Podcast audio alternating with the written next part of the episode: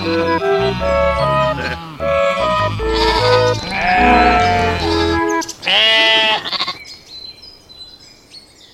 Einar! Hej Anna! Hur är det med dig idag? Ja, det är faktiskt ganska bra. Förutom att eh, min eh, alltid närvarande höstdepression börjar kännas av. Jag gillar inte när det blir mörkt på kvällarna. Men, Nej, har den eh, kommit redan? Ja, visst ser det. Det är inte klokt. Alltså jag gick just och tänkte på det att september är ju bästa månaden på hela året. Det är ju så skönt nu. Och, och, och det där att vintern är antågande, det känner jag mig som en sån där härlig grej. Sen kan det ju alltid vara lite jobbiga perioder under vintern, men inför vintern är jag alltid väldigt förväntansfull faktiskt. ja, jag tycker det blir så uppenbart att man får sluta att jobba lite tidigare varje kväll för det blir så mörkt. Ja, det är ju jättebra. Långa sköna kvällar Ja, i mm. soffan.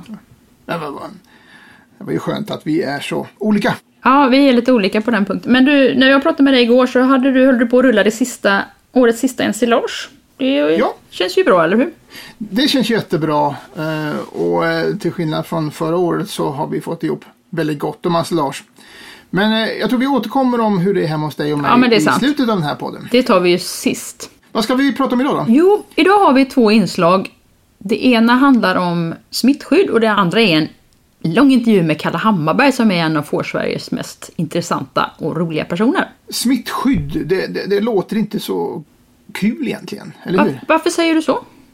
Ja, alltså smittskydd det låter ju jobbigt och besvärligt och, och sådär. Och, och jag tror att ganska många tänker att ah, det där händer kanske inte mig, det, det går nog bra ändå. Ja, det är ju absolut sämsta sättet att tänka för att eh, eh, smittskydd är, inte så kul att prata om kanske, men det är ju väldigt kul att ha friska får i alla fall.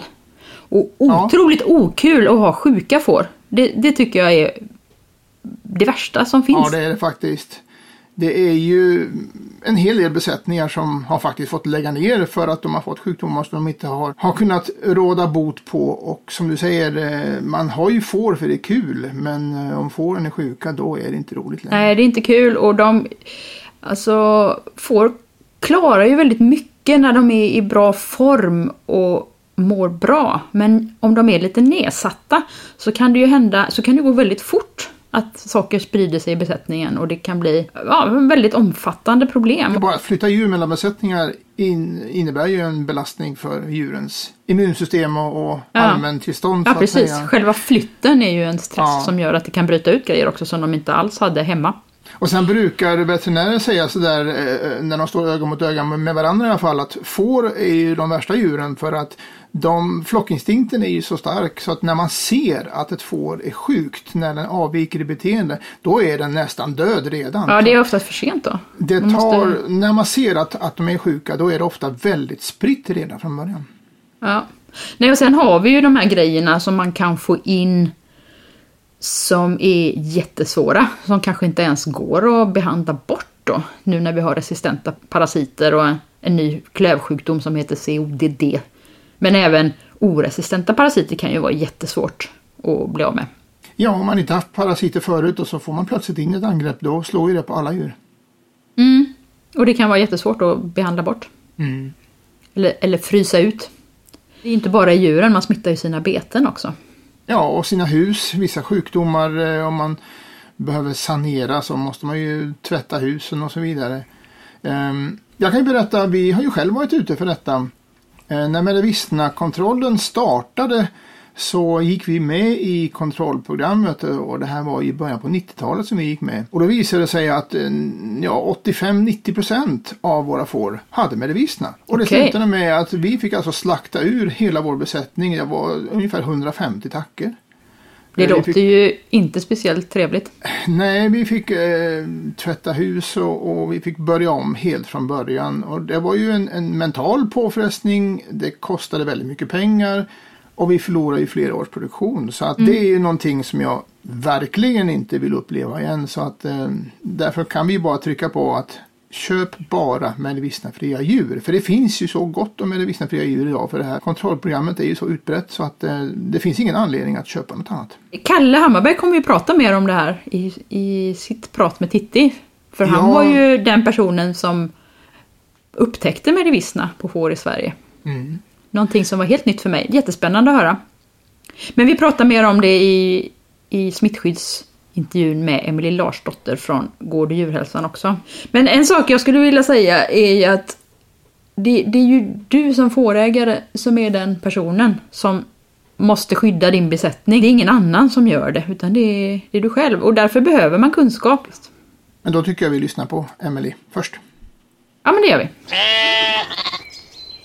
Hej Emelie Larsdotter, Gård och djurhälsan. Jag tänkte att vi skulle prata smittskydd idag. Hej Anna! Vad är det första du tänker på när jag säger smittskydd för fårägare? Eh, jag tänker att det är ett väldigt, väldigt viktigt ämne och det är ju mer aktuellt än någonsin nu. Sen tycker jag också att det är väldigt positivt att eh, det har blivit ett ökat intresse för smittskydd eh, från fårägarnas sida. Eh, för ska jag vara krass så, så finns det helt klart en, en stor förbättringspotential bland den breda massan av fårägare. Det var någonting jag tänkte jag skulle fråga dig. Hur duktiga är Sveriges fårbönder på smittskydd?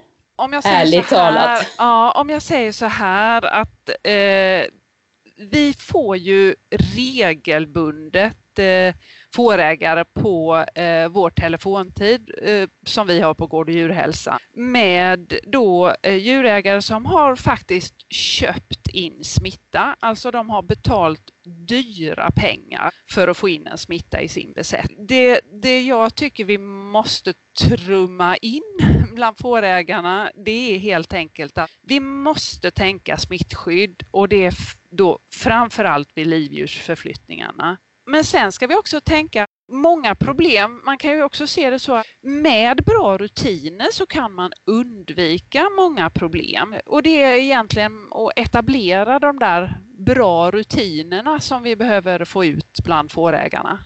Ja, du menar man ska vara väldigt rädd för, för smitta men man ska också ha förtröstan i att det går att undvika den. Om man... Ja, med rätt mått och steg så går många smittor att undvika. Ja, det, det är ganska komplext idag. Tycker du att det har blivit svårare än vad det var för sig 15 år sedan när jag började med får? Ja, vi har ju eh, så att säga eh, fått in eh, fler smittor och då tänker jag ju framförallt risken för resistenta parasiter som vi behöver tänka på. Sen är det ju eh, aktuellt med eh, fotrötan till exempel. Sen har vi den här nya sjukdomen. Vi har haft ett fall, CODD, så det är ju eh, det är ju så att eh, det kommer hela tiden in smittor eh, som är nya för oss och de måste vi tänka på. Eh, skillnaden som jag upplever det idag jämfört med för 15 år sedan när jag skaffade mina får det det finns flera smittor idag som skulle kunna orsaka att jag måste slakta hela min besättning om jag får hem dem. Så var det inte riktigt då. Det fanns ju smittor redan för, för 15 år sedan. Till exempel tänker jag då på, på medivissna som ju är en väldigt allvarlig sjukdom och, och som då kan innebära att man behöver slå ut sin besättning. Men det är klart att det vi har fått in nu då när det gäller eh, resistenta parasiter om, som ju är en högaktuell eh, eller ett högaktuellt eh, smittskyddsområde så, så är det ju så att där vill vi ju minska smittspridningen och då är ju framförallt att man kan inte med gott samvete sälja avelsdjur. Alltså man kan kanske ha en produktionsbesättning även om det blir en dyrare produktion man har. Men eh, man kan inte ha en avelsbesättning. Och sen finns det ju eh, så att säga sjukdomar som eh, då eh, fotröta som, som ju är en allvarlig sjukdom men som, som ju går att sanera bort. Så att det innebär ju inte en, en utslaktning av besättningen. Nej, det är oerhört jobbigt att sanera ja. men det går, det går ju. Det går, ja och man kan säga så här att får man in många av de här sjukdomarna då som vi pratade om idag så, så, är, så innebär det naturligtvis för det första ett, ett lidande för djuren och för det andra en eh, stor eh, ekonomisk förlust för den djurägaren som har det. Eh, därför att produktionen blir dyrare och, och man då eh, inte kanske kan, kan ha en livdjursproducerande besättning. Nej, och sen är det ju alltid, oavsett om man har många eller få får, otroligt tråkigt med sjuka får. Jättetråkigt. Finns inget värre nästan. Nej, och det är ju det där med, för, för en, en sjukdom bland djuren innebär ju alltid ett visst form av, eh, av stress och lidande. Och där är det ju egentligen så att vi som fårägare är faktiskt skyldiga att i, i görligaste mån skydda våra djur från sjukdom och smitta. Så där har vi ju som, som djurägare ett stort ansvar. Mm. När är situationen där man måste tänka smittskydd? Jag, jag tänker ju så här att vad är smittskydd måste man ju tänka först. Eh, och smittskydd är ju helt enkelt att hindra smittans väg, alltså bryta smittvägen. Och då måste man ju också veta vad är smittämnen och hur sprids de? Eh, har du exempel på, på smittämnen, Anna, som, som du vet rakt av sådär, olika exempel? Eh, ja, tänker du virus och bakterier på den precis, nivån? Eller? Virus, bakterier och naturligtvis då parasiter. Och parasiter och koxidier, ja. de kanske går till under parasiter. Ja, och, det, och sen är det ju olika varianter då. Vi har ju en mängd olika både bakterier, virus och parasiter. Det är ju både invärtes och utvärtes. Och sen finns det också naturligtvis något som heter prioner där exempelvis skräp är en prion. Ja, just det. Mm. Och sen är det, är det ju också, måste vi veta hur sprids smittämnen? Eh, och där finns ju naturligtvis då eh, olika varianter. Dels en direkt smitta mellan djur där, där det sprids från djur till, till djur. Men sen också det, eh, något som heter indirekt överföring. Och det är ju till exempel eh, där det sprids med, med redskap eller med bete mm. eller med människor. Och sen kan ju smitta spridas via luften, alltså att det kan flyga. Det finns ju vissa virus som, är, som är, eh, kan färdas långa vägar med luften. Mm. Och sen kan, har vi även att det, eh, det kan sprida smitta eh, från mor till avkomma. Och sen även ett exempel är ju via det vi kallar vektorer, alltså eh, till ex exempel knott. Då. Eh, ja, det. Både Schmallenberg och blåtunga är ju exempel på det en smitta vi som sprids. för några år sedan. Sen är det ju så att smittskydd kan, det, eh, kan indelas i eh, ett inre smittskydd som du har på din gård, alltså smittskydd inom din egen besättning där du försöker hindra att smitta sprids mellan olika djurgrupper. Och här har jag liksom att man ska tänka att man har brandväggar i sin egen besättning. Och ju bättre brandväggar man har desto bättre skydd har jag i min egen besättning. Och till exempel då på, på inre smittskydd, det är ju att man då isolerar om man får sjuka djur, att man isolerar dem och inte bara mm. låter dem gå kvar.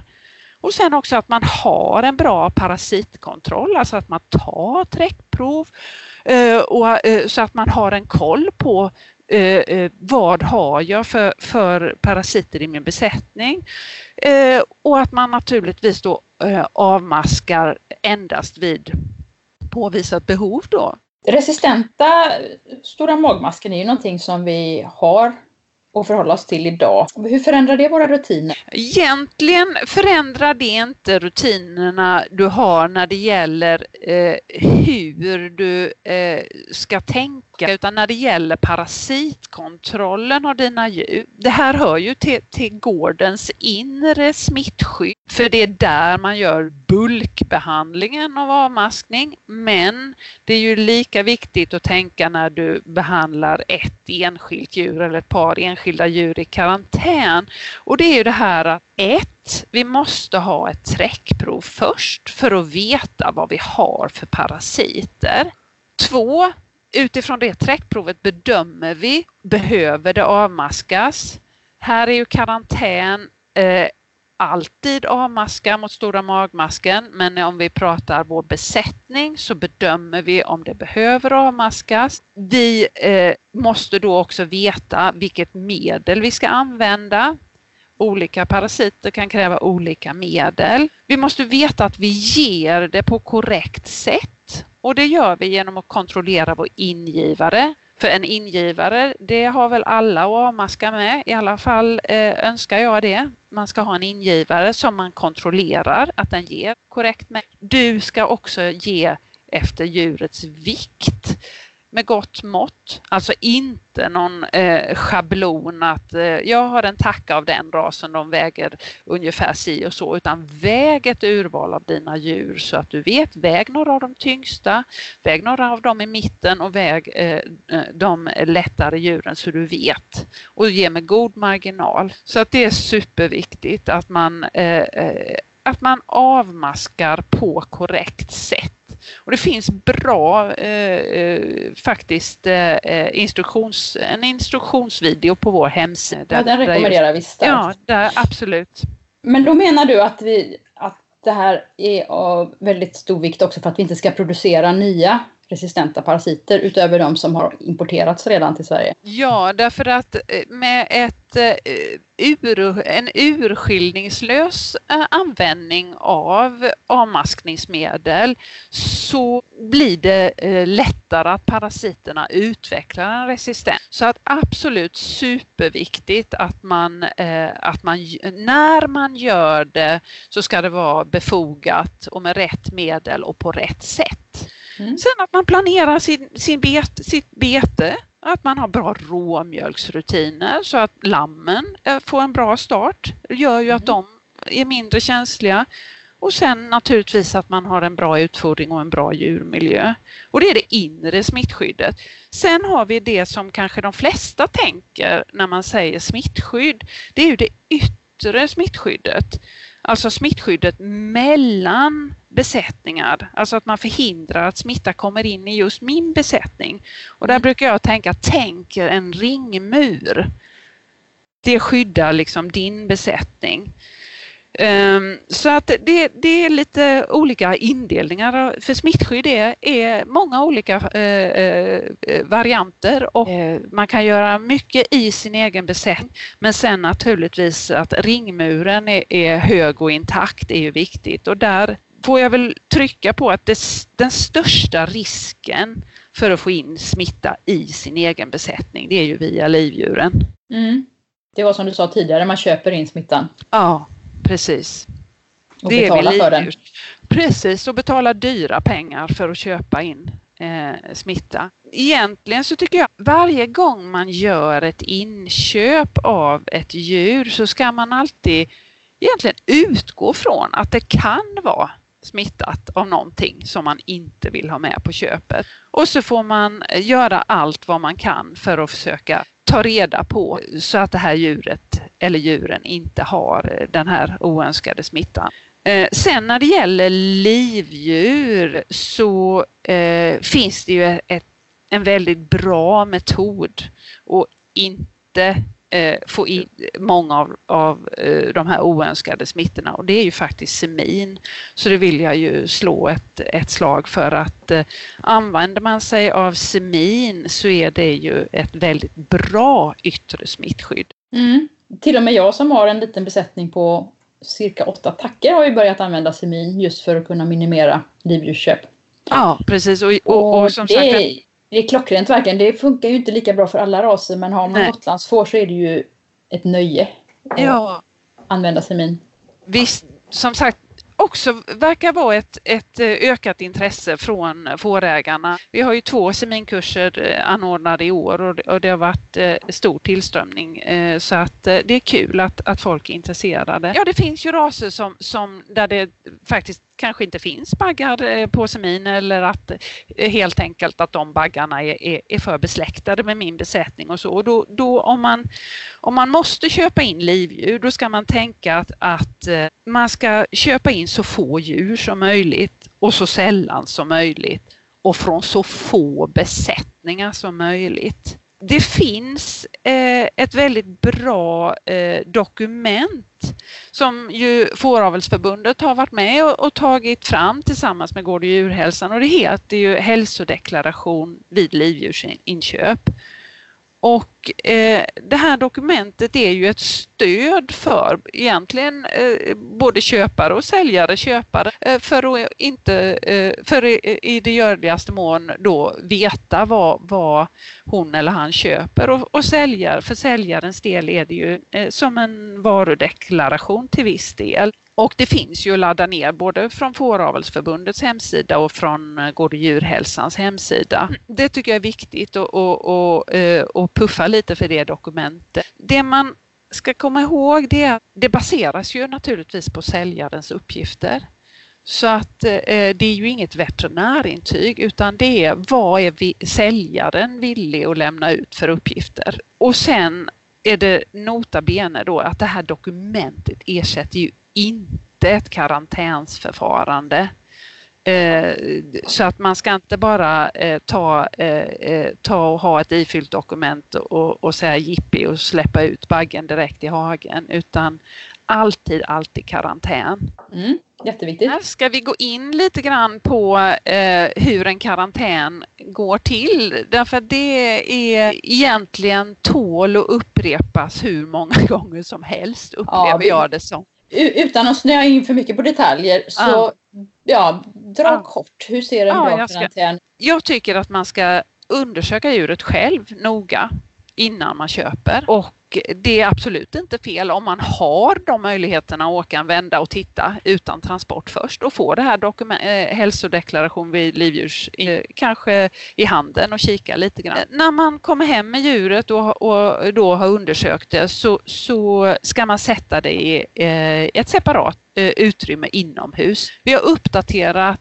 Karantänsrekommendationerna precis med anledning av eh, CODD och eh, internationella rekommendationer där så att nu har vi minst fyra veckor i eh, karantän, fyra till sex veckor. Gärna sätta ett, ett eller ett par utslagsdjur tillsammans med det inköpta djur och det är helt enkelt att de fungerar både som sällskap och även som indikatordjur för om det skulle vara någon smitta som inte som det här inköpta djuret har men som man inte kan upptäcka. Mm, jag gissar att det är en orsak till att en del djur inte hamnar i karantän, att man tycker det är så jobbigt att ha djur stående ensam. Ja, precis. Men, men ett, ett slaktdjur som sällskap eh, eh är perfekt att ha. Mm. Eh, sen så ska man alltid, alltid ta träckprov när djuret kommer eh, och det kan man göra eh, precis i samma svep som man avmaskar. För man ska alltid avmaska djuren mot stora magmasken med Avermectinpreparat, alltså i Sverige har vi ju Noromectin eller Ivomec.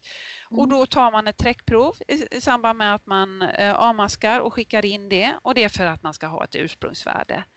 Och sen så eh, efter 7 till 10 dagar så eh, vill man kontrollera att avmaskningsmedlet har haft önskad effekt så då tar man ett nytt träckprov. Och avmaskning mot eh, stora magmasken kan man göra året runt då? Avmaskning mot stora magmasken kan du göra året runt eh, och det ska alltid göras i karantän. Och du ska alltid göra en behandlingskontroll efter 7 till 10 dagar. Och sen när du fått det här träckprovet så, så ska, eh, ska du rådgöra med din veterinär. Mm. Eh, och sen naturligtvis eh, så eh, skall du eh, ha tittat på klövarna. Det gör ju när du undersöker djuret så, så tittar man att det inte eh, syns några förändringar i, i klövar, klövspalt och även kronranden nu med, med tanke på CODD. Och, eh, och sen så eh, fotbadar man in i karantänen eh, och ut ur karantänen. Och då ska man fotbada i zinksulfatlösning. När det gäller den här nya sjukdomen CODD som där man bara har hittat ett enda fall i Sverige och trots väldigt mycket smittspårning inte kunnat hitta var den kommer ifrån. Hur, hur, förhåller oss, för hur ska vi förhålla oss till den när vi i karantän?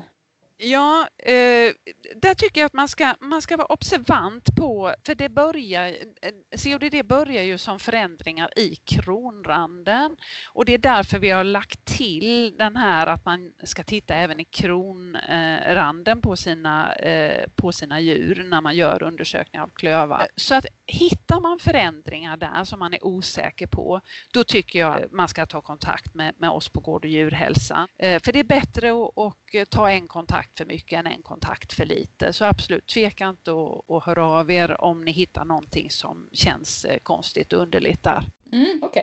Var det något mer vi skulle tänka på i karantän? Ja, jag kan, kan ju säga det att naturligtvis eh, så är det ju bra och, eh, och det ingår i den eh, här hälsodeklaration vid livdjursförsäljning så är det ju bra att ta reda på om det förekommit stora leverflundran i säljarbesättningen. För då vill man naturligtvis eh, avmaska och då är det speciella avmaskningsmedel som, som behövs i karantän för att, att göra sig av med den. Så det är en viktig punkt. Och sen också tycker jag att eh, avlusa djuret för det är faktiskt lättare att avlusa ett djur än att behöva avlusa en hel besättning och man kanske har lamm sen och så. Så att det tycker jag också är en bra åtgärd att göra i karantän. Mm, det är ett bra tips. Det alltid enklare och billigare att testa och behandla ett inköpt djur istället för en hel besättning. Jag tycker man ska tänka på det. Och det är faktiskt också billigare att slakta ett dyrt inköpt djur än en hel besättning. Du menar när man upptäcker någonting som man inte hade velat se ja, på den här precis, vackra precis. baggen som man har köpt? Ja, dyrt. Mm.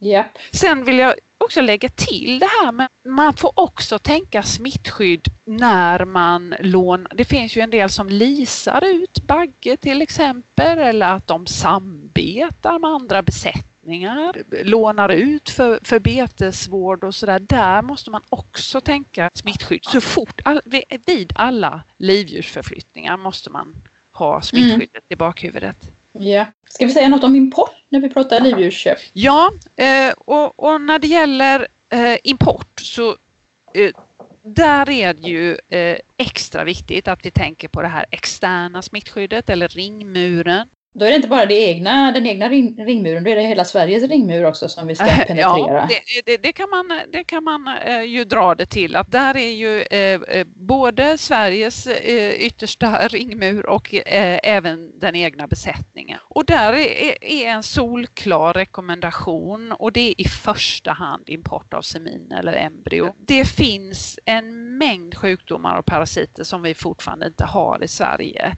men som finns i utlandet. Och jag skulle kunna eh, liksom eh, rada upp eh, eh en mängd otäckhet. Ja, vi skulle kunna ha ett skräckavsnitt någon gång när ja, vi bara pratar om sånt. med bara otäcka sjukdomar ja, som vi det kan tar vi till halloween nästa Ja, det får vi spara till halloween. Men om någon vill ta in levande djur så tycker jag att ta kontakt med SDS Absolut, det är egentligen det som jag eh, i första hand importerar semin eller embryo. Vill man ta in levande djur så ta kontakt med SDS så får man eh, eh, råd och anvisningar där. Så det är egentligen det jag vill säga om import. Ja, det, det, är dit man vänder sig. Det är dit man vänder sig. Mm. Ja.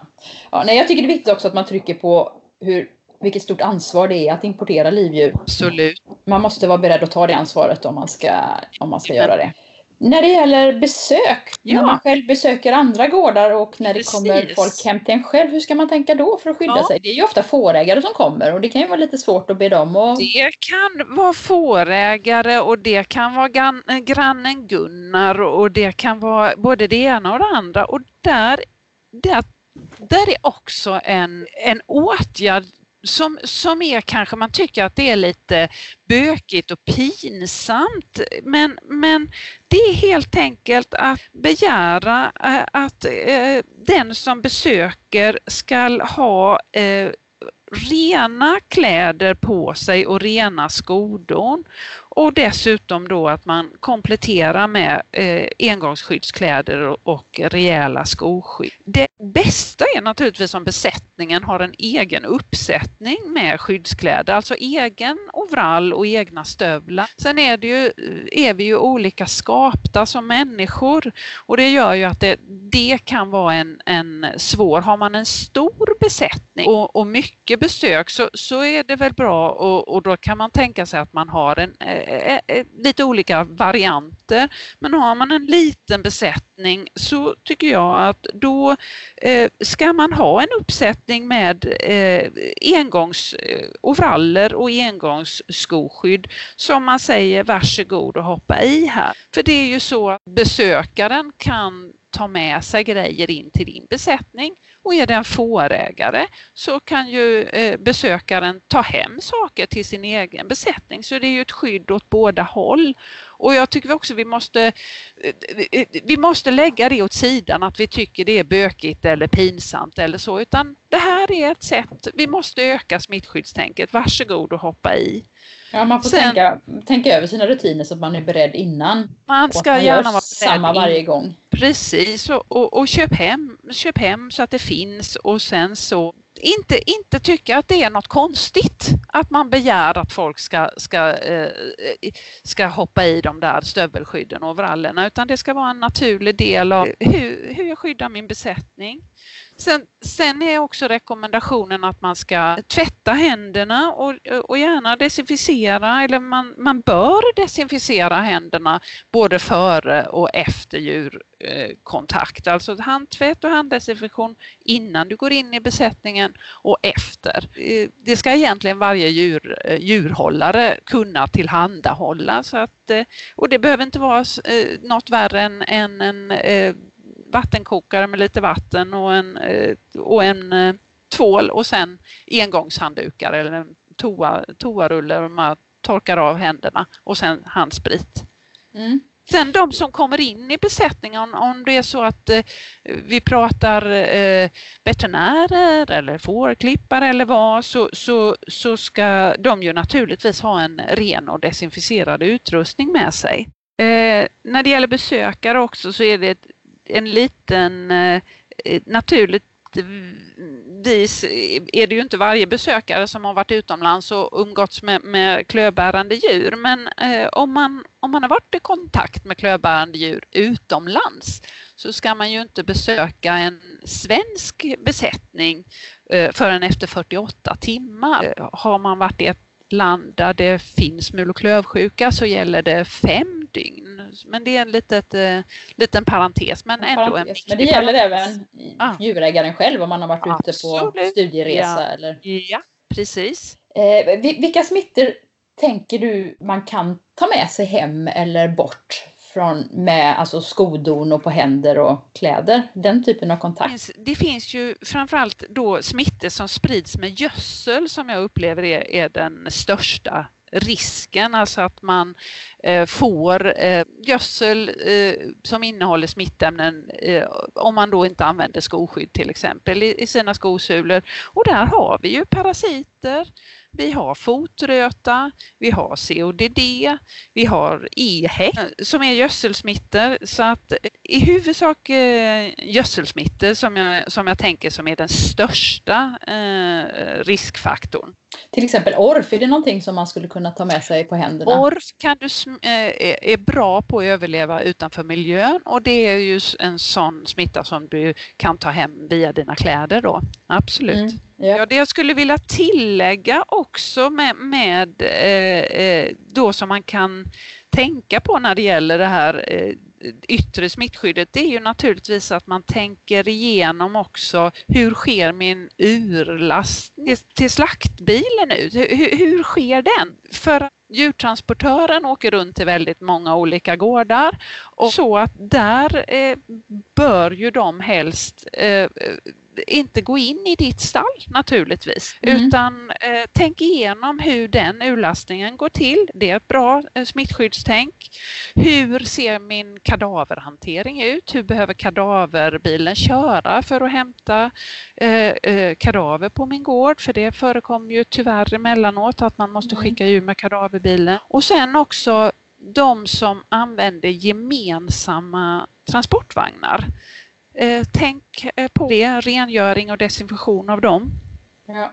Var har vagnen eh, varit och vem har varit i vagnen? Ja, precis. Och alltid göra rent. Till viss del kan man ju även tänka de som har maskinsamarbete, att de kan behöva tänka ett extra varv om vi tänker gödselsmitta och så, vad, vad, mm, vad som kommer med där. Men sen återigen kan jag väl eh, bara trycka på så här. Man ska ju inte sila mygg och svälja kameler. Och det ju, spelar ju då ingen roll hur mycket eh, skoskydd och, och desinficerande av transporter och däck och gud vet vad man gör om man köper sin tjusiga bagge och släpper honom direkt ut till tackorna utan karantän. Så take home message. Alltså mm. karantän finns ingenting som är så effektivt att eh, stoppa smittspridning som det. Alltså, nej, så finns det väl ingen som gör nu för tiden? Det kan vi väl inte tro? Nej, nej, det var ju förr. Det var ju jag, måste, förr. jag måste berätta nu när vi är färdiga här att du pratar ju med en total idiot. Jag har köpt stora magmasken inte en gång utan två gånger. Ja. Och då är man ju inte speciellt smart. Nej, men det är ju så att det, där, där är du ju på inget sätt eh, ensam Anna utan det, det, och det där är, är någonting som vi hör dagligdags och det är därför vi är så tjatiga från ja, vår djurhälsa när det gäller ja. smittskydd. För det vi har så otroligt många djurägare som ringer och är förtvivlade för de har som sagt de har köpt in smitta Sen, sen, skulle jag också säga det att, för det är också någonting som, som eh, folk faktiskt inte anammar fullt ut så långt som man kunde önska. Det är det här att handla med MV-fria djur. Det, för det tycker jag är superviktigt. Vi har ja. kontrollprogram både för MV och för fotröta. Och det är ju eh, det finns ju naturligtvis inga hundraprocentiga undersökningar eller tester men om man, om man köper MV-fria djur eller djur från en F-statusbesättning då i kombination med en djurägarförsäkran så är det ju en viss garanti för att djuren faktiskt är fria från den typen av smitta. Så att jag, där, där tycker jag också att eh, på något vis att det är, det är så det vore så självklart att folk skulle, eh, skulle eh, försöka att få den, eh, eh, den kvalitetsstämpeln som det ändå innebär än att, att köpa till exempel otestade eh, djur när det gäller medivistna. Jag tycker det är tragiskt att folk det finns, inte... det finns verkligen ingen anledning att köpa djur utanför programmet för det finns Nej. ju så mycket livdjur av alla raser absolut, som är med absolut. i programmet. Precis. Men det är förskräckande antal annonser man ser där ja, djuren inte ja, är... Ja, tyvärr. Och, och, och eh, som sagt, de, de, de, folk har inte vett att uppskatta eh, att, att, det är en, eh, att det är MV-fria djur. Jag tycker det, det, det är något som jag också vill eh, slå ett slag för. Absolut, handla med MV-fria djur. Och sen mm. också naturligtvis att folk då eh, ska ha eh, den här eh, hälsodeklarationen ifylld. Eh, jag tycker det är självklart. Det är någonting man kan begära.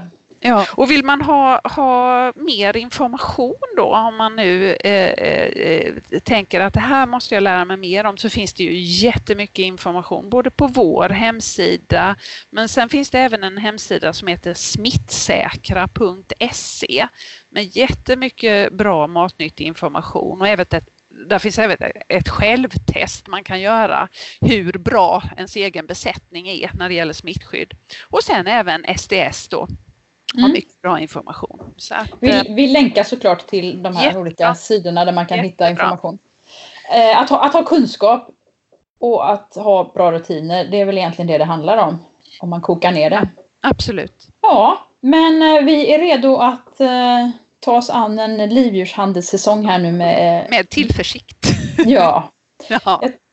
Och ska vi sluta med att säga det också att ta kontakt med Gård och djurhälsan om du behöver hjälp eller om du har funderingar. Absolut. Det, vi finns ju dagligen i, i vår telefonrådgivning så att, eh, och vi välkomnar alla typer av eh, frågeställningar och så. Så det är bara att höra av sig om man har funderingar. Alltid bättre att ta hjälp innan än efter. Ja, precis. Ta hjälp och köp inga smittor. Får vi avsluta det hela med. Absolut. Mm. Tack så jättemycket för det här Tack samtalet. Själv, Anna. Tack. Hej. Hej.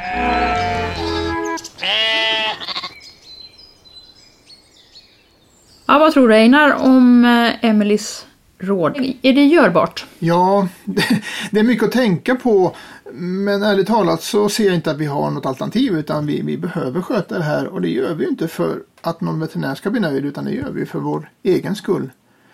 Mm. Um, Fåråret brukar man ju säga börjar ju när man släpper baggen. Då, då börjar det nya året. Och, och, eh, en av sakerna att tänka på är att man kommer ju ganska ofta i, i tidsbrist. Nu behöver man ha nyinköpta djur i fyra veckor i karantän.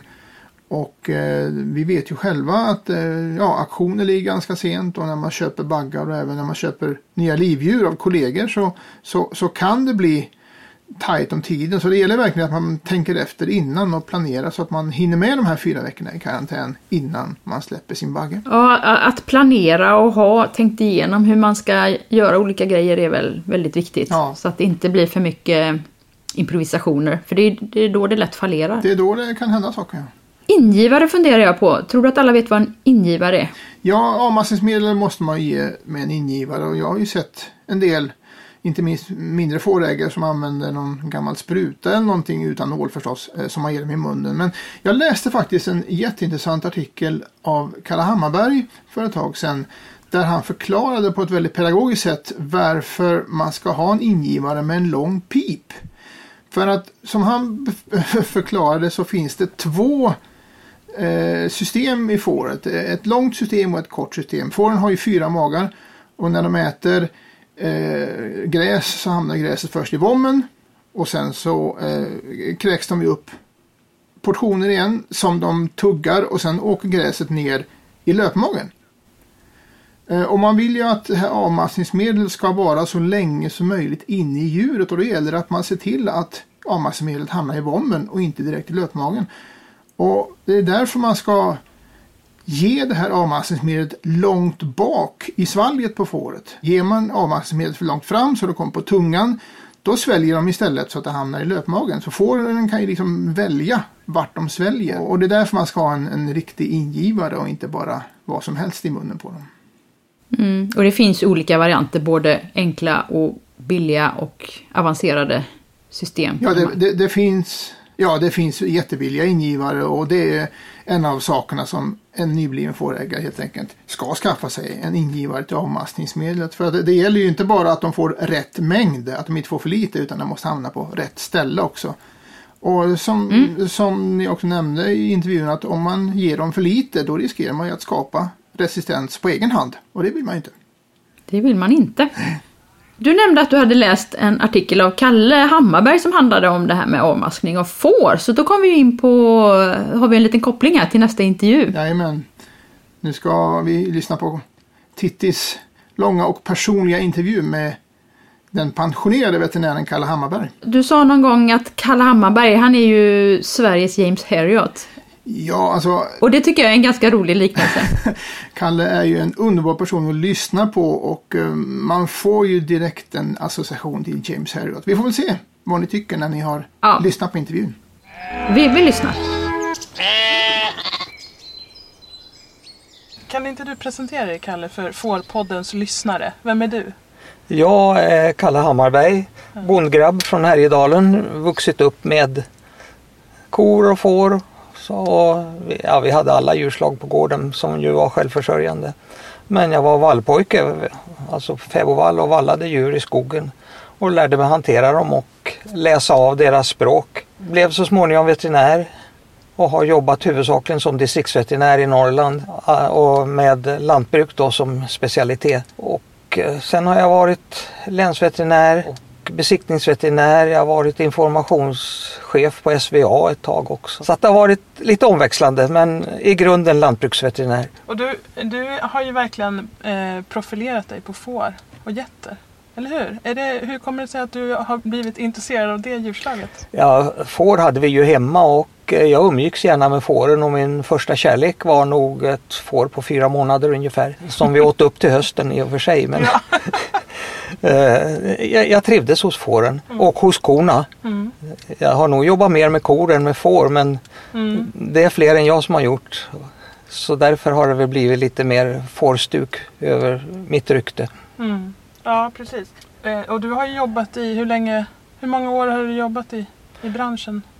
Jag gick ut ur skolan 69, 1969 Ja, och, eh, men då hade jag praktiserat före dess. ja. Mm. Så att eh, okej, Mm. det, det rör sig om eh, 50 år eller något sånt där. Ja, ja.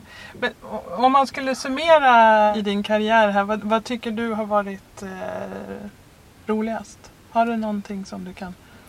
Ja, det är ju mötet med alla eh, lantbrukare. Eftersom jag har jobbat i glesbygd så har det i allmänhet varit smågårdar och, och eh, man har blivit personlig vän med de här människorna. Så att det var ju kaffe överallt vilket inte var så nyttigt för magen men Eh, Det har varit en trivsel att arbeta. Sen är det naturligtvis ett och annat enstaka fall som man minns som speciellt eh, roligt eller intressant. Men eh, den stora glädjen har nog varit att hjälpa småbrukarna med det jag har kunnat. Finns det något område eller um, något specifikt jobb som du har haft där du känner att du har gjort uh, störst nytta om vi liksom fokuserar på fåret? Då får vi nog hamna på getsidan. Mm, För att okej. när jag hamnade som distriktsveterinär i Ramsele en gång i tiden på 70-talet så fanns ju bara getter och mygg i stort sett och jag beslöt mig för att satsa på getterna i det fallet och skaffade mig utbildning, jag sökte stipendier och fick åka utomlands och lära mig ganska mycket om getter. Och eh, getbönderna var också intresserade av att få hjälp.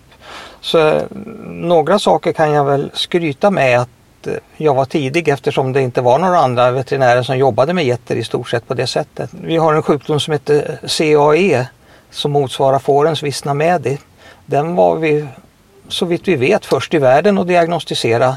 Jag i fält och tillsammans med SVA och Veterinärhögskolan som ställde upp och hjälpte till och gjorde analyserna på de prover som vi såg och jag lärde mig känna igen symptomen på den här sjukdomen och såg en smittsamhet. Vi visste ju inte alls vad det var och det fanns ju inget eh, dataprogram. Datorerna var ju inte uppfunna på den tiden så man kunde inte gå in och slå upp någonting. Dessutom var inte sjukdomen känd överhuvudtaget så vi hade ändå inte hittat något. Men vi hittade smittämnet och det, jag tror vi var först i världen med det. Och eh, då möttes vi av intresse från Norge som också skickade prover till oss och vi kunde tala om för dem att de har också den här sjukdomen. Och eh, vi fick förfrågan från Finland som ville importera svenska getter och jag minns att jag sa nej, inte innan vi vet hur det här sprids. För det här är en sjukdom som är dödlig. Och de importerade inga getter och jag tror att de är ganska glada för det idag. Det var CAE hos get Mm. och eh, en annan sak som jag minns med glädje det var ostframställningen. Jobbar man med mjölkgetter så måste man kunna lite grann om hur man gör ost också. Jag såg problem där som måste lösas. Och det var ju att en del getter hade faktiskt juverinflammation utan att djurägarna visste om det. Dolda inflammationer. Och dessutom hygienen kanske inte alltid var den bästa. Mjölkmaskinerna hade en, kallade då en defekt som inte ens tillverkaren visste om som eh, släppte in lagårsluft tillsammans med mjölken. Så att osten innehöll helt plötsligt bakterier av olika slag trots att hygienen var god. Och min tanke var att de här bakterierna de växer på grund av att det finns mjölksocker i mjölken. Det är näring till bakterierna. Så om vi kan sno mjölksockret ifrån dem på ett eller annat sätt så får bakterierna svårare. Och eh, idén var ju då att tillsätta en bakterie som var ofarlig för människor men som växte snabbare och eh, snabbare kunde göra slut på mjölksockret än de farliga bakterierna. Och vi testade och fann att filmjölk fungerade alldeles utmärkt. Vi fick mycket bättre hygien på ostarna när vi körde filmjölk. Eh, vi ska komma ihåg att ostarna på den tiden huvudsakligen var gårdsproducerade av opastöriserad mjölk. Pastörisering är naturligtvis ett annat vapen här men det var inte det vi gick på. Så att eh, vi lärde oss metoden att tillsätta så kallad startkultur i form av filmjölk. Med, lärde oss temperaturer och tider. Och när det sedan bildades eh, särimner i Östersund, Eld- eller eldrimner, eldrimner, ja. särimner är en variant av det. E- Eldrimner så tog de dit en fransk ystare och när han såg att vi svenskar blandade i filmjölk så förstod inte han vad vi gjorde utan vi fick tala om det för honom och nu går han ut över hela världen och kör med startkulturer i mjölken vid tillverkning av getost. Men det var vi i Ramsele som började med det. Ja, vad spännande. Ja, det, det, det var kul. Ehm, har, har du arbetat i utlandet? Nej, arbetat vill jag inte påstå men jag har fått väldigt mycket utbildning i utlandet. Jag har rest ganska mycket och det har ju framförallt varit får och get. Då. När jag var i Indien på, lärde mig lite grann om deras getter och gethållning. Då fick jag åka med en veterinär där och följa honom i hans arbete. Det var samma sak på Nya Zeeland. Jag har varit i många både i-länder och u-länder och framförallt i våra grannländer. Alltså alltifrån Island där jag har varit lärare då i getsjukdomar. Och jag har skrivit ett kompendium som är översatt till isländska faktiskt. På getter. Men Norge, eh, Färöarna, Grönland eh, Skottland förstås där jag har fått min huvudsakliga fårutbildning. För då, där är de duktiga. Men jag vill inte påstå att jag haft arbete. Jag gjorde några insatser när vi var i Indien åt Sida men det var liksom bara korta grejer. Mm, mm. Hur såg eh, fårnäringen ut när du var nyutexaminerad veterinär då i början av 70-talet? Fårnäringen var nog nere på sin botten då. Mm. Jag minns inte hur många får vi hade men jag har för mig att det var under 300 000 och nu är vi uppe på det dubbla. Fårnäringen hade gått ner väldigt mycket efter kriget helt enkelt när det var väldigt mycket får. Sen gick det ner och jag antar att när frysboxarna kom så behövde man inte så små djur när man slaktade. Man kunde slakta större djur och kunde ta hand om köttet ändå. Men eh, jag har inte jobbat i södra Sverige utan det här är smågårdarna i norra Sverige och där var fåren mer eller mindre familjemedlemmar och de var gårdsproducenter bara. Det var inte Mm. mark man tänkte inte på försäljningsmarknaden utan man skulle försörja sig själva och ha eh, miljönytta utav fåren. Alltså man betade ner och man kunde ta rätt på marker som kanske inte dög för, för de stora nötkreaturen och gick på. Mm. Fast nötkreaturen var inte stora heller för att det var ju fjällkor i allmänhet. Ja, just det. Och- under de här 50 åren då, hur tycker du att den har utvecklats? Ja, det, det är ju en enorm skillnad.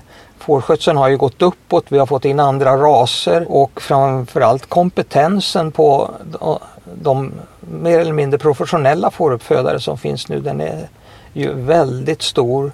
Och eh, man har satt igång med fårhälsovården. Det var tankar jag hade, varför kan man inte samarbeta och försöka få igång en någon form av organisation som kan hjälpa lantbrukarna med fåren. Men gårdarna i Norrland ligger glest, det var små besättningar. Dessutom var det inte veterinärstationer utan man jobbade enskilt. Idag är det ett annat läge och jag tycker nog att fårskötseln har gått fram både kompetensmässigt och kvalitetsmässigt. Och folk börjar också acceptera nu att en fårbonde är en riktig bonde. Så var det inte förr. Fåren var en biprodukt i lantbruket. Idag kan det vara huvudprodukten på väldigt många avancerade gårdar. Jag tänkte om du kunde bjuda på om du har något eh, konkret minne där du har hjälpt en fårägare till stor nytta. Har du, du måste ju Ja. ha massor med olika Ja, eh, möten och händelser som har... ja visst finns det det och Fastnat. visst har det varit roligt då med de här första kejsarsnitten som man gjorde och lite operationer. Vi var som jag sa först i landet att diagnostisera både vissa parasitangrepp och, och vissa sjukdomar på får. Medevissna, förmodligen var jag den första som diagnostiserade ute på en gårdsobduktion. Men om jag ska ta bara ett minne så hände det en gång att jag blev uppringd av en bonde som sa att mina får har gått ner i ån. De har blivit nerjagade av några grisar som hade rymt. Och det här var på senhösten. Det var alltså i princip nollgradigt vatten i ån. Och eh, han ville jag skulle komma dit för att se om det gick att göra något åt de här fåren. När jag kom dit hade man fått upp dem. Det var fyra stycken vill jag minnas, kan ha varit fem. Men när jag tog tempen på dem så gjorde termometern inte utslag. De var alltså levande men klart påverkade. Apatiska ska jag säga. Och hur kalla de var vet jag inte riktigt men vi satte igång och värma upp de här. Naturligtvis då, de, de var fullpälsade och pälsen var ju blöt och det var nollgradigt ute så att det var svårt att värma upp dem men vi fick dem inomhus och la filtar över dem och jag minns att bonden själv kröp in under filten och kramade om sina får. Och eh, jag gav lavemang med varmvatten för att värma upp dem. Och efter en timme, en och en halv så började någon termometer göra utslag. Och vi, och vi fick upp dem i normal kroppstemperatur så småningom. Gav dem naturligtvis sockerlösning i blodet också för att ge dem energi för de var ju totalt utmattade. Och ska vi räkna efter temperaturen hur lång tid det tog från det att termometern gjorde utslag vid, jag tror det var 32 grader och tiden upp till normal kroppstemperatur och räkna på den tid vi inte visste vilken temperatur de hade så låg de här nog omkring 25-26 grader någonstans när vi började arbeta. Vi fick alla utom ett får att överleva och det fåret obducerade jag och det var en ren stressdöd på det. Vi gav selen naturligtvis också och eh, kortison för att försöka ge dem den här lite extra knuffen för att, att leva. Det var ett, eh, det, jag minns det här. Vilken räddningsinsats! Ja, eh, och det, Ja. fin- det finns ingenting i läroböckerna om det heller. Nej. Och jag tror att det var varmvattenlavemanget som vi alltså Ja. gav och sen fick det där rinna ut och så fyllde vi Ja. på igen och vi hade kanske 40 grader i vattnet. Men vi fick upp kroppstemperaturen på dem. Och, och med lite energi i blodet så, så klarar de sig, utom en. Mm. Det är ett minne jag har. Ja. Eh, vad tror du om svensk lammproduktionsmöjligheter här i framtiden? Ur ett veterinärperspektiv? Ja, i veterinärperspektiv så är det ju fårhälsovården som jag ser som väldigt positiv. De samlar stora kunskaper Mm. och eh, de eh, försöker lösa de problem vi har.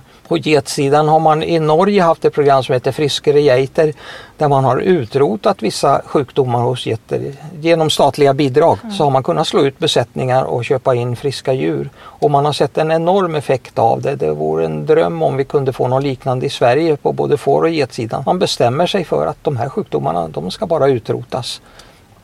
Och så betalar staten för det. Mm. Är det några specifika sjukdomar? Ja, jag tänker till exempel på medevissna Mm. som man alltså har utrotat på getter i Norge. Den motsvarande sjukdomen som heter CAE då. Ja.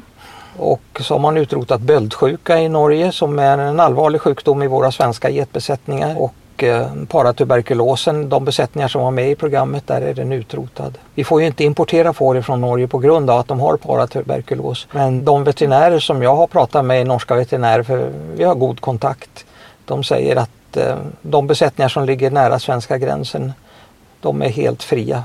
Mm. Det, det är vissa besättningar i glesbygden, små besättningar där man eventuellt har sjukdomen kvar. Det, det är något som jag skulle se fram emot att staten kanske kan hjälpa till och få våra får friskare. Mm. Fårhälsovården gör nog allt de kan. Mm. Det kanske blir delvis samma svar, men vad tycker du vi eh, bör prioritera att arbeta med framöver för att utveckla svensk lammproduktion?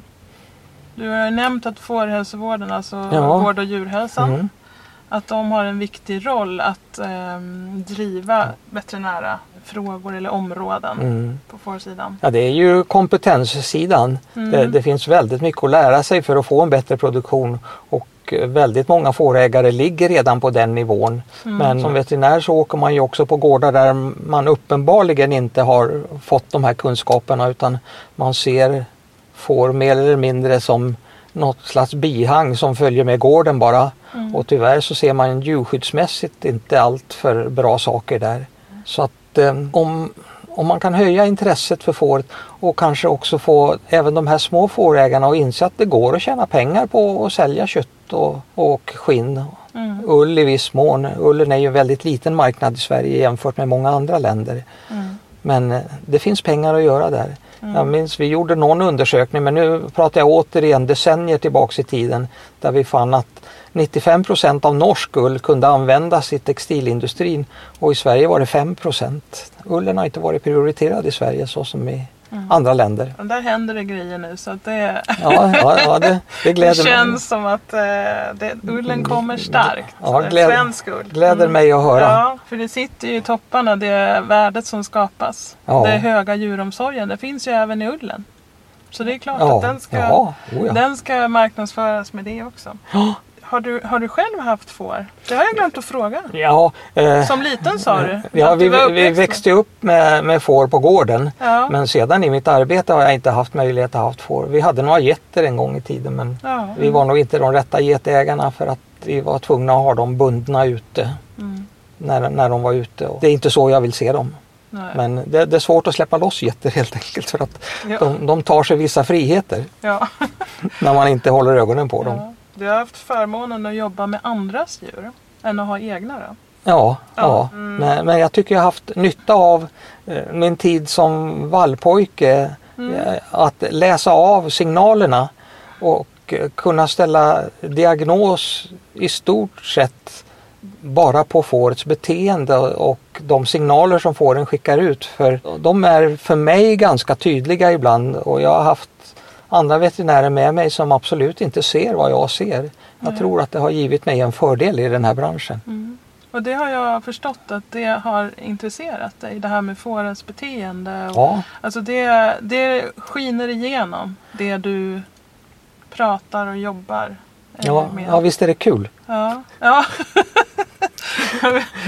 det är det. Nej, men när, när man ser så mycket på hur får beter sig i flock Mm. och vad som händer om man tar dem enskilt ja. och hur de beter sig i skogen, mm. eh, när de blir rädda, när de anar bete. Och bara en lite rolig detalj. Det stora rovdjuret i skogarna på den tiden var ju inte varg. Ja? Även om det fanns både björn och lo så var inte det det stora rovdjuret, det var knotten. Ja. Och som vallpojke så när man var ute och hade nått det område där man kunde lämna djuren under dagen så gjorde man upp en liten eld, man hade lite mjölk och smörgås med sig men på elden så tog man lite vitmossa och la på elden och då uppstod en rök. Och den röken älskade både får och kor. De ställde sig i röken och lät sig pyras in för sen var de inte speciellt intressanta för knotten längre. Det är något som dagens fårägare inte känner till. Nej.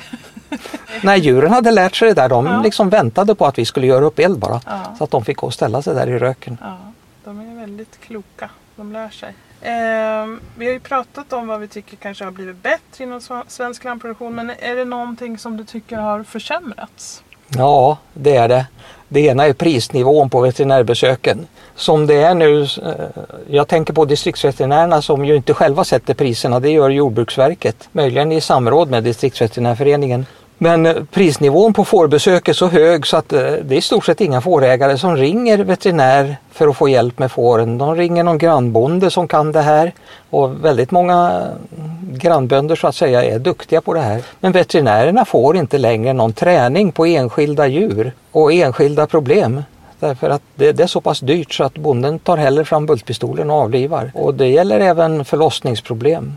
Jag hade för övrigt en bonde i det distrikt där vi sitter nu när jag jobbade här, jag sitter i Hudiksvall just nu, som var så skicklig på får så att eh, när det var förlossningsproblem då ringde de andra djurägarna till den här bonden som kom och han löste i allmänhet problemet. Men jag visste att när han ringde då var det kejsarsnitt som gällde. Det var bara att ta med de grejerna som behövdes för att öppna fåret och plocka ut lammet den vägen. För kunde inte han få ut det då kunde inte jag heller få ut det. Men okej, jag, jag ser det som en stor nackdel att prisnivån för enskilda besök har stigit så mycket så att veterinärerna har i dagens läge som jag har förstått det inte någon praktisk erfarenhet av får. Och den gången det inträffar att bonden verkligen behöver veterinärhjälp så är veterinären kanske inte alltid den kompetens som bonden söker. Sen en annan grej som irriterar mig och det är lagstiftningen i djurskyddsärenden. Eh, jag vill inte skylla på djurskyddsinspektörerna, det är inte där problemet sitter för de gör ett bra jobb och de är oftast väldigt duktiga. Men det finns fall där djurägare och djurskyddsinspektör har olika bedömning i hur allvarligt man ska se på det de ser. Och, eh, Om nu djurskyddsinspektören så att säga eh, bestämmer det här är så pass allvarligt som jag ser det så att det här tänker jag ålägga bonden att göra någonting och i värsta fall eh, kan bonden bli fråntagen av djuren. Om nu bonden har en annan uppfattning så har bonden i stort sett ingen chans att få det framfört enligt den lagstiftning som finns. För att när bonden får sitt beslut ifrån Länsstyrelsen att eh, det är böter eller han måste bygga till eller han måste ändra någonting i sin djurhållning och bonden vill överklaga det beslutet då går det beslutet till förvaltningsrätten. Och förvaltningsrätten har ingenting med, med eh, åsiktsskillnaden att göra. De tittar bara efter om Länsstyrelsen har följt gällande paragrafer, vilket de i stort sett alltid har gjort. Och det betyder att eh, bonden inte har en chans att få framföra sin synpunkt på det hela. Och Eh, jag ser det här som en bugg i, lagstiftningen. Jag, skulle vilja ändra på det. Så jag ser två lösningar. Det ena är att bonden, fårägaren i det här fallet då, eh, så fort de hör att eh, djurskyddsinspektören har en annan uppfattning och tänker gå vidare med den så gäller det att be om en omprövning av beslutet innan Länsstyrelsen har fastställt sitt beslut. Alltså i stort sett samma dag eller dagen efter eller två dagar efter. Och på den tiden skaffa fram någon form utav stödjande kunskap för bondens egen uppfattning. Det kan vara veterinär, det kan vara slaktsiffror eller vad det nu kan vara. Och be om en omprövning. Om nu inte Länsstyrelsen gör en omprövning utan fattar sitt beslut på den synpunkt, den bedömning man har gjort. Då, då ser jag en annan lösning som överhuvudtaget inte är prövad så vitt jag vet. Det är att bonden stämmer Länsstyrelsen. Då måste bonden givetvis ha väldigt mycket kött på benen. Och eh, för annars får bonden betala vad, vad det här kostar för då hamnar det inte i förvaltningsrätten utan som en tvist i tingsrätten. Men jag ser det som en bugg i, i lagstiftningen att en djurägare som får en allvarlig anmärkning har väldigt svårt att få sin synpunkt bedömd. Jag skulle vilja ändra på det. Jag har själv faktiskt skrivit om det här till ordföranden i jordbruksutskottet och eh, som eh, är centerpartist. Mm. Och eh, något senare så såg jag faktiskt att centerpartistiska riksdagsmän hade skrivit en insändare i Land Mm. som tog upp det här. Så att förhoppningsvis har det nått upp på lite högre nivå än vad jag kan vara på. Ja, Men det- jag, ty- ja. jag tycker det här är väldigt pinsamt helt enkelt Mm. eftersom jag har fått vara, kalla det då sakkunnig i domstolsärenden. Mm. Där det är helt klart att man borde ha lyssnat lite mera på de argument bonden hade. Mm. Rättssäkerheten är viktig. då. Ja, och den finns inte idag för en djurägare i, i just det här fallet. Kan ju hämma. Men observera, jag, jag säger inte att det här är djurskyddsinspektörerna som gör något fel. De, de kan göra felaktiga bedömningar men lagstiftningen är sådan att eh, det, det är svårt för djurägaren att få det här tillrättat. Just det. Vad ska du göra framöver då? Vad jag ska göra framöver? Ja. Nu, idag, har vi, idag har du varit med på en eh, ERFA-träff som det heter, erfarenhetsgrupp med Ja. lammproducenter här i Gävleborg län. Ja, Eh, så du gör ju lite ja men det är uppdrag. väldigt lite nu. Jag har Ja. nog hoppat av det här. Eh, jag, jag sa till mig själv att jag ska jobba med det här till jag är 75 Ja. och sen får det vara och det är nu ett par år sedan. Så att det är nedtrappning på gång. Jag har inte följt med i det senaste. Nej. Jag har eh, avtackats utav fårhälsovården. Jag har ju varit Ja. konsult åt dem i alla år. Även om jag inte har varit anställd men vi har haft ett väldigt gott samarbete. Och eh, jag har sagt nej till eh, de allra flesta kursverksamheter. Mm. Nu råkar du ringa om en gård i mitt område så att säga. ja. Och då tyckte jag det var kul att komma ut och Ja. få lukta lite på de här djuren i alla att fall. Du, du var med idag. Mm. Ja men härligt att höra. Eh, och stort tack för att du ställer upp för intervju. För Ja. Fårpodden. Ja, det var, det var kul. Tack Kalle. Många saker som jag aldrig hört talas om tidigare. Det var jättespännande tycker jag. Ja, han har ju hållit på länge, Kalle. Och han är ju dessutom så mysig bara att lyssna på. Ja, verkligen. Men en sak skulle jag vilja dementera, eller åtminstone följa upp. Och det var, han sa att man hade gjort en undersökning om ullen, svensk respektive norsk ull för mm, visserligen ganska många år sedan där man hade kommit fram till att 95% av den norska ullen var användbar för eh, textilindustrin medan bara 5% av den svenska ullen. Och då tänker jag att det beror nog inte på att det är något fel på den svenska ullen utan på att våran textilindustri har dött ut och inte finns. Ja. Eller? Ja, i, i Norge är de ju väldigt, väldigt duktiga på att ta vara på i princip all ull och faktiskt få användning för den också. Men vi är ju på gång i Sverige. Det händer ju jättemycket saker och eh, det kommer ju att bli mycket bättre siffror framöver, eller hur? Ja, precis som Titti säger så händer det jättemycket. Och det är ju ett... Eh, I höst kommer ju några svenska klädmärken släppa kläder av, helt av svensk ull. Så att det är ju... Och det är en väldigt stor grej. Så totalt utdöd har ju den svenska ullindustrin varit. Ja, det händer jättemycket saker. Men vi återkommer till det för att hela nästa Fårpodden ska ju handla om ull. Ja men precis. Vi har bestämt oss för att prata om det här så kallade Vinnova-projektet och eh, vad som händer med Ulla nu i, Sverige. Så att eh, vi, vi sparar på det till nästa gång. Eh, under tiden så kan man ju gärna gå in och titta, läsa i fårskötsel eller titta på Fåravelsförbundets hemsida för att eh, eh, Fåravelsförbundet har ju tagit fram en jätteintressant undersökning och du Anna har gjort en snygg grafik till det hela som väldigt överskådligt visar vilka ullresurser som faktiskt finns i Sverige att ta vara på om bara intresset och viljan finns. Ja, precis den så kallade ullskattkartan där vi har uppskattat hur ja, skattat hur mycket ull som finns att tillgå i Sverige. Jajamän. Och det har varit jättespännande att jobba med det för att eh, jag har inte haft en aning om att två tredjedelar av svenska får till exempel är korsningsfår. Och att väldigt, alltså av de rasrena fåren så är en otroligt stor del gotlandsfår. Och all, all, all ull går ju att använda till någonting fast till olika saker. Det är därför det gäller att vi vet vad vi har för någonting. Vi grottar ner oss i detta i nästa Fårpodden. Ja, det blir mer om det. Ska vi snacka lite kort om vad som händer hemma hos oss då? Ja, vi också? brukar ju göra det. Hur, eh, hur ser det ut för dig? Du sa ju att du var ganska lugn. Den här sommaren har varit så himla lätt när det gäller fåren. Jag betäckte ju inte alla attacker i höstas eftersom jag var så sliten efter fjolårets sommar. Vi hade dåligt med foder och tackorna var magra. Och jag hade haft väldigt mycket, jag hade, jag hade för många lamm förra året. Så jag kände att jag inte hade lust med det. Så jag betäckte inte alla. Och det har varit himla skönt faktiskt. För jag har normalt sett ganska hög beläggning. Inte, inte överskott på bete. Men i år har det liksom, ja, det har varit...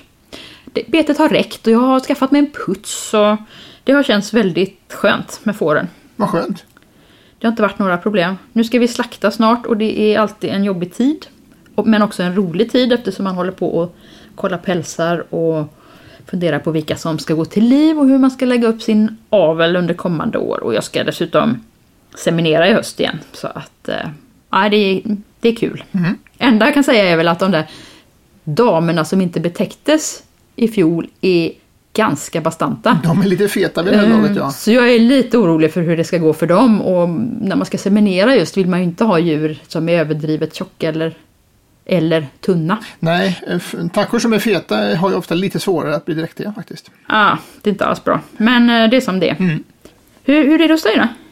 Ja, vi kan summera att eh, växtodlingsmässigt har det varit en ganska märklig sommar tycker jag. Det var en väldigt eh, sen och kall vår här med nattfrost.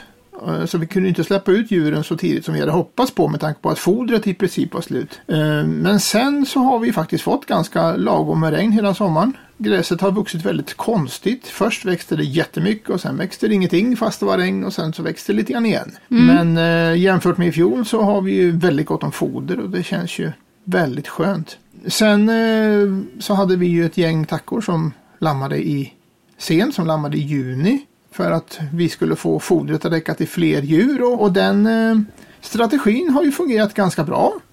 Eh, ärligt talat så var det den mest bekymmersfria lamningen vi har haft någon gång där de fick lamma ute. Eller ja, de hade möjlighet att gå in om de ville, vilket de gjorde ibland också. Och, och eh, nu har vi ett gäng vinterlamsämnen som går här som vi inte skulle haft annars. Så att, eh, Ja, de, är, de är inte slaktmogna. de är absolut inte slaktmogna och det var inte tanken heller. Utan vi, de ska vi föda upp som vinterlamm och de, skickar, de kommer vi skicka ja, från januari till mars kan man säga.